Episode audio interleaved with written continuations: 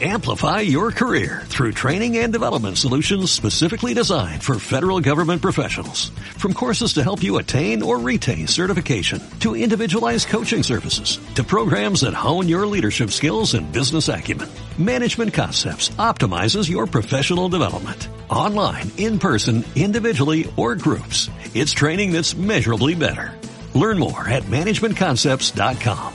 That's managementconcepts.com. Ipuñaren bigarren partea.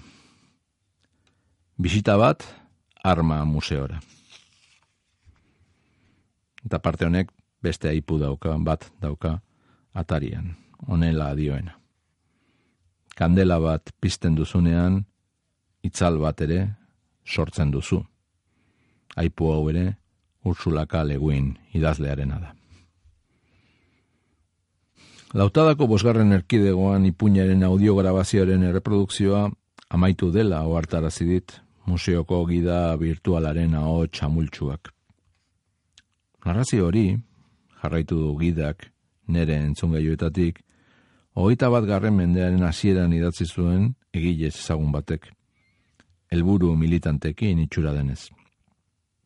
Ondo islatzen du gure ustez, garai hartan arma industriaren ezinbezkotasunaren aurrean zabaldu egia zegoen etxipena.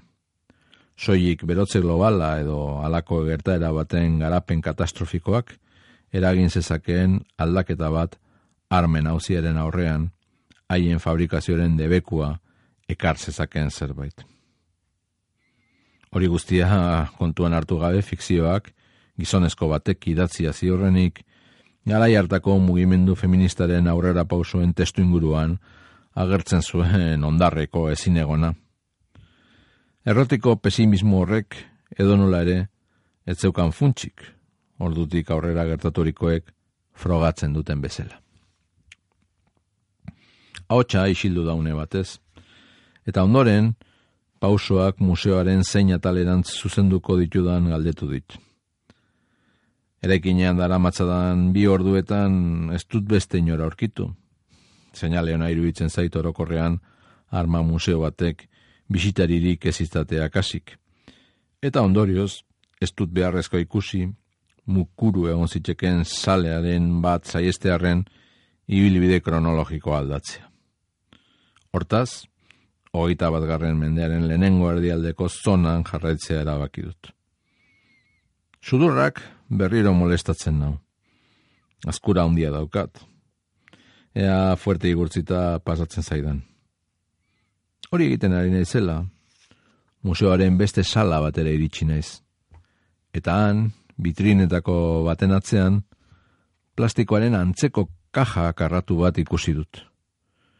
Entzun gaietako abotsak, bere ala informatu nau, estela plastikozkoa zehazki, komposite bat baizik.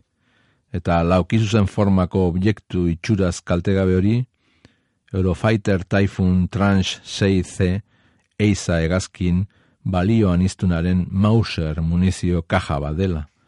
Arnova enpresak araban ekoiztutatukoa garai hartan. Kaja hori, ez da printzipioz, iristen museoaren aurreko geletan ikusi dutudan fusil, metraieta eta are alabarda edo sableen ikusgarritasun hilgarrira, baina ahotsak asaltzen jarraitu duen bezala, hori zen industria militar modernoaren ezaugarrietako bat hoi garren mendearen amaieratik, baita Euskal Herrikoarena ere.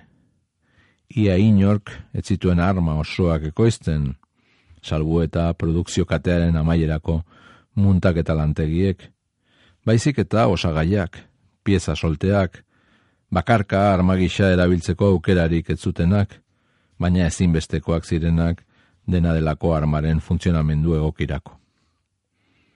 Produkzioa atomizatua eta deslokalizatua zen, eta horrek lasaitasun moral moduko bat eman ziezaieken ura gauzatzeko orduan, ala enpresari nola langileari, eta baita bide batez alako jarduerak gauzatzen ziren lurraldeko biztanleriari ere, oroar, azken finean, ez zutelako arma bat ekoizten, gai komposatu egindako kaja huts bat baitzik. Beste batek, beste nonbait, gerra abioiaren fuselajean integratuko zuena, eta beste batek, beste nonbait, hogeita zazpi milimetroko Mauser balaz beteko zuena. Amplify your career through training and development solutions specifically designed for federal government professionals. From courses to help you attain or retain certification, to individualized coaching services, to programs that hone your leadership skills and business acumen, Management Concepts optimizes your professional development. Online, in person, individually, or groups. It's training that's measurably better. Learn more at managementconcepts.com. That's managementconcepts.com.